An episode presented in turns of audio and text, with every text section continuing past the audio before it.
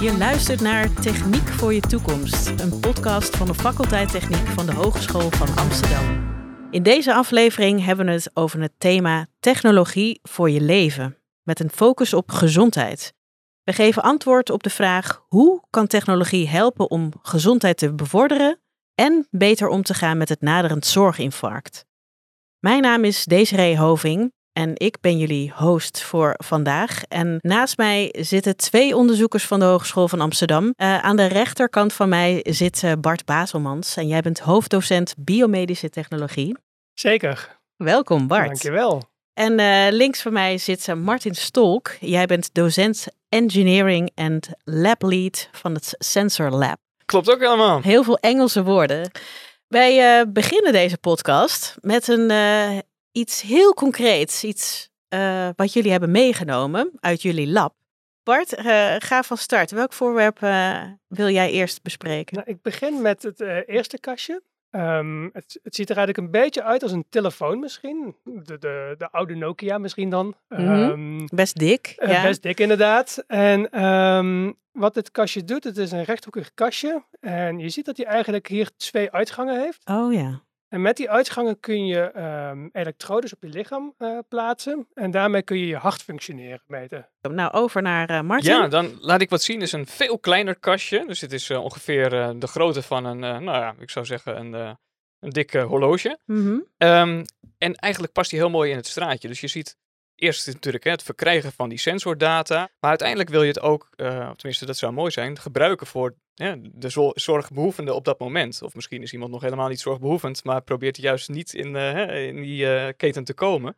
Gezond dus te blijven. Preventief iets te Preventief, meten. Wat kan je dan meten? Je kan je hart meten. Wat kan je exact. nog meer meten? Ja, met dit, dit is op zich een, een sensorhub. Dus je kan inderdaad heel veel verschillende type sensoren bij elkaar combineren. En daar hè, met een slim model, een AI-model misschien, advies of uh, andere ondersteuning aan mee bieden. Um, je zou kunnen denken aan inderdaad informatie die je uit je zweet haalt. Dus over bijvoorbeeld het, uh, bloedsuikergehalte op dat moment. Maar even het, het, mm -hmm. het, hogere doel. En misschien moeten we dan even uh, kijken van jullie uh, zitten bij het thema Technology for Life. Misschien moet ik dat stapje dan even maken. Want ja. dit ziet er heel fancy en, en, toekomstgericht uit.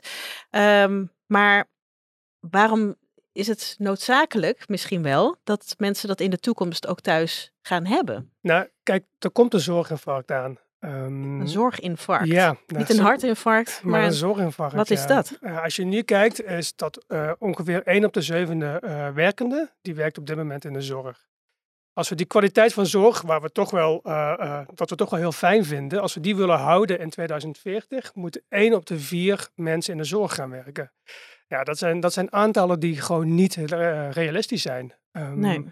En daarom heeft ook bijvoorbeeld de, de kennis- en innovatieagenda opgesteld door het ministerie van Gezondheid, Zorg en Sport. die hebben dat ook ehm, eigenlijk een nieuwe visie op gezondheid geformuleerd. En die visie is dat mensen langer gezond in hun eigen thuissituatie moeten gaan ja, functioneren eigenlijk. Aha. om dat voor elkaar te gebruiken, of voor elkaar te krijgen, is het wel heel belangrijk dat we um, ja, die mensen ook thuis kunnen gaan monitoren. Dat ze daar zelf ook mee actief mee aan de slag gaan. En daar kunnen technologische innovatie wel zeker, zeker bij helpen. Ja, dus, en dat is wat de Hogeschool van Amsterdam ook doet, om die technologie te ontwikkelen, zodat mensen uh, zelf thuis hun gezondheid kunnen monitoren. Ja, en, en, en de zorg daarmee ontlasten? Nou, gedeeltelijk mee ontlasten. Ik denk, uh, kijk, we, we, moeten uitkijken dat we niet alleen maar zeggen van, we hebben de technologie, jullie gaan jullie zelf monitoren en het wordt jullie eigen verantwoordelijkheid. Uh, dat is iets wat we absoluut niet moeten willen hebben en ik denk dat we daar ook ver weg van moeten blijven. Wat we wel moeten doen is dat we met de mensen samen gaan ontwerpen van hoe kunnen we nou de technologie inzetten zodat we jullie zorgvraag zouden kunnen helpen. En dat is het belangrijkste. We moeten echt vanuit bottom-up, eigenlijk vanuit, vanuit de samenleving zelf, moeten we de zorgvraag centraal stellen. En hoe kunnen wij vanuit een kennisinstelling onze expertise gebruiken om aan die zorgvraag te voldoen. En ik denk dat dat een heel groot verschil is dan, ja oké, okay, we hebben de technologie, Mhm. Hier is het, gebruik het maar en het wordt je eigen verantwoordelijkheid. Want dan gaat niemand het gebruiken. En ik denk dat dat ook een groot probleem vaak is. Nu ben ik wel benieuwd, Martin, hoe gebruikt de Hogeschool van Amsterdam technologie nog meer om in de toekomst voldoende zorg te kunnen leveren? Nou, het grappige is, hè, we hebben het net over natuurlijk het bevragen van de groep waarop voor dit relevant is.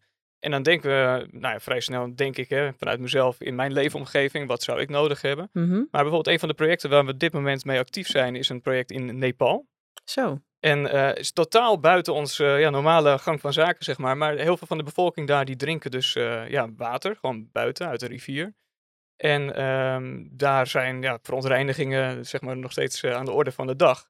Dus de kwaliteit van dat water, ja, dat is, lastig vast te stellen. Want ja, wanneer kan je water drinken of wanneer niet?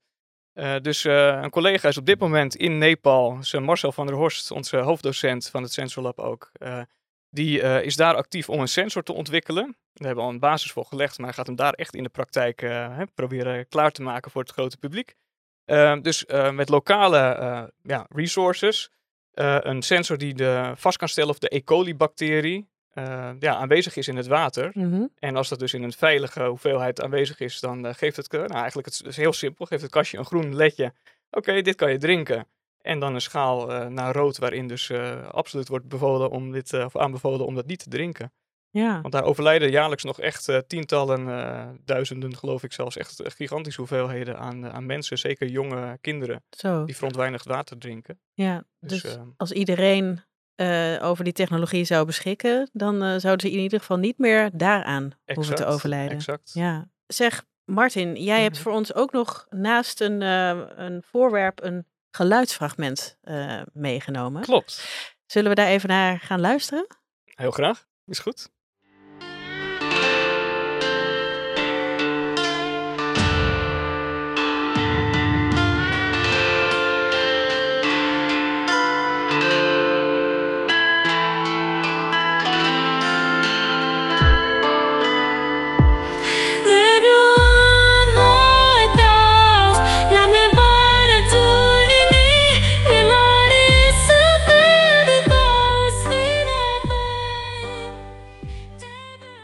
Ik had echt uh, duizend gedachten bij dit uh, fragment. Uh, wat voor taal is dit? Wat voor instrumenten zijn dit? Waar hebben we naar geluisterd, Martin? Ja, nou dat vraag ik me soms zelf ook wel af. um, zeg maar, het is, ik kan nu zeggen, dit is mijn favoriete muziekstijl tegenwoordig. Het is helemaal nieuw en upcoming. Maar de grap is, wie heeft dit gemaakt? En dat is misschien zelfs wel een, ja, een, een grotere vraag dan die wij gewoon kunnen beantwoorden. Oh ja? Het is door AI gegenereerde muziek. Oh. een, een, experiment of een onderzoek van Google, die Music LM heet het. Uh, twee maanden geleden was ongeveer gepubliceerd. Um, dus eigenlijk net als wat we met ChatGPT zien, mm -hmm. is dit uh, iets wat door nou ja, een kunstmatige intelligentie gecomponeerd of samengesteld is. Dus um, samengesteld met een prompt. Het, ja, en het en leuke een prompt? dus... Een prompt is eigenlijk een vraag die je uh, aan, het, aan het programma zelf stelt. Uh, bijvoorbeeld met ChatGPT kun je gewoon een vraag stellen van hoe werkt dit? Uh, dan krijg je daar informatie van. Ik denk dat Zeker. Het, dit hetzelfde werkt. Dat, uh, ik wist helemaal niet dat dat al uh, kon. Ja. Maar wat, wat zegt dat dan? Uh, want je hebt dit niet voor niks meegenomen. wat zegt dit dan over de gezondheidszorg? Precies. Dus ik denk dat er heel veel manieren zijn om technologisch ook mensen te kunnen ondersteunen vanuit nou ja, slimme technieken. Een van de dingen is bijvoorbeeld, hè, op het moment dat je iemand, het zelf ooit onderzoek naar gedaan, ook in de juiste gemoedstoestand wil brengen of dat wil beïnvloeden. Hè. Dus soms wil je heel, iemand heel kritisch maken, soms wil je iemand juist even wat extra power, wat extra energie geven. Uh, om eigenlijk te weten wat, wat iemand, hè, en, en, uh, dat hoeft geen zorgbehoevende te zijn, maar dat is iedereen eigenlijk in de preventie, wat iemand nodig heeft op een bepaald moment. Als je daarachter bent, dan kun je dus dat proberen te bewerkstelligen, proberen te ondersteunen door dit soort uh, systemen. Dus de muziek kan heel erg toegepast worden of toegespitst worden op waar jij op dat moment behoefte aan hebt. En eigenlijk misschien wel jezelf een beetje sturen de juiste richting in. We hebben allemaal hebben we wel muziek om ons heen. Uh, en als je technologie kan gebruiken en kan inzetten uh, met apparatuur wat eigenlijk iedereen op een dagelijkse basis al gebruikt, Mhm. mm -hmm. uh, dan is de kans dat je het ook langer gaat gebruiken is veel groter. En ja, het staat nog redelijk in de kinderschoenen dit. Het is pas een paar maanden oud. Uh, maar in de toekomst, uh, in, in nog niet zo verre toekomst denk ik, want het gaat heel snel nu, kan dit wel echt gebruikt worden om uh, ook in de gezondheidszorg ingezet te worden. Klinkt uh, heel futuristisch. Wat is dan volgens jullie de grootste uitdaging daarbij, bij het ontwikkelen van die technologie voor de zorg? Ja, er zijn een aantal uitdagingen. En ik denk dat een, één is daarvan, het zei ik net al, hè, natuurlijk ook het uh, binnen de privacy context goed houden van die data. Dus uh, zoiets wat nu net, net gehoord is, het is natuurlijk een hele rijke dataset ehm, met allerlei informatiebronnen die gecombineerd worden door één partij. Nou, uiteindelijk wil je dat natuurlijk hè, met de eindgebruiker, dat is vaak niet allemaal bij één partij beschikbaar en dat is ook niet zo wenselijk in die zin. Dus dat is één kant. Dus om die, die, ja, de juiste data te verzamelen, objectief en voor de juiste doelgroep en dat privacybewust te doen. En het tweede is het koppelen van heel veel verschillende disciplines. Dus het is niet alleen maar de technologie, of dus in dit geval misschien hè, de AI-ontwikkelaar of de onderzoeker in die zin. Uh, er komt uh, een heel stuk aan gebruikersinteractie bij. Nou, ik zei net al, hè, de privacy, wetgeving komt erbij kijken. Het is het, het productontwerp. Uh, er zitten soms in de sensortechniek natuurlijk ook. De chemische aspecten zitten erin, of juist de hele biologische psychologie. Het is een hele rijke hoeveelheid aan, ja, aan disciplines en kennisgebieden die je wil, wil koppelen. Vergeet daarbij ook niet uh, voor wie je het doet. Uh, waar Precies. haal je de zorgvraag op? en waar hebben bijvoorbeeld burgers in een kwetsbare positie, waar hebben zij behoefte aan? En het is juist dat we die samenwerking met deze grote groep mensen, dat we die moeten aangaan. En ik denk dat de grootste uitdaging zit inderdaad van luisteren naar wat nodig is en hoe kunnen wij als kennisinstelling daar onze expertise bij in dienst zetten. En ik denk dat dat echt een, een, een, een verandering in denkwijze nodig is. En kun je daar, kun je daar een voorbeeld al van noemen? Want jullie zijn dat eigenlijk al aan het doen in een project. Ja, we doen het steeds meer. Um, we werken ook met Living Labs in, in uh, Amsterdam uh, samen, die door de HVA zijn opgezet, waar we al heel veel onderzoeksprojecten um, mee samen doen. Dus eigenlijk met de mensen die wonen in een wijk. ik werk op dit moment samen met het Helius-studie. Helius-studie is een groot bevolkingsonderzoeks. Uh, in Amsterdam, er zijn 25.000 Amsterdammers bij aangesloten. Het is, uh, ja, het is best groot inderdaad, ja. En um, wat zij meten eigenlijk is de uh, ja, verschillende gezondheidsindicatoren van de zes grootste bevolkingsgroepen in Amsterdam. En die komen nu nog naar verschillende testcentra toe. Even over die zes groepen. Ja. Welke zijn dat? Uh, uiteraard uh, uh, Nederlanders, mensen van Surinaamse afkomst, Turkse afkomst, Marokkaanse afkomst, Hindustaanse afkomst. Um, en ja, dat zijn de zes grootste groepen eigenlijk. Ja. Um, en wat ze gedaan hebben is, kunnen, we, ehm, kunnen we daarin verschillen in gezondheidsindicatoren, kunnen we dat zien? waar komen die vandaan? En als we die beter begrijpen, kunnen we mensen ook beter helpen. wat je nu vaak ziet is dat onderzoek gedaan naar gezondheid wordt vaak door uh, één grote groep gedaan. Dat zijn mensen zoals jij en ik. dat zijn vaak ook mannen van nou ja, blanke afkomst eigenlijk, om het zo maar te zeggen. En ja, nu draaien jullie het, in dat project draaien het eigenlijk om. In dat project draaien ze dat inderdaad om. Inderdaad. Ja. En dat is heel goed. En ik denk dat dat een ontwikkeling is die uh, ja, heel belangrijk is. Ja. ja. Ja. om het juist vanuit de gebruikers te bekijken.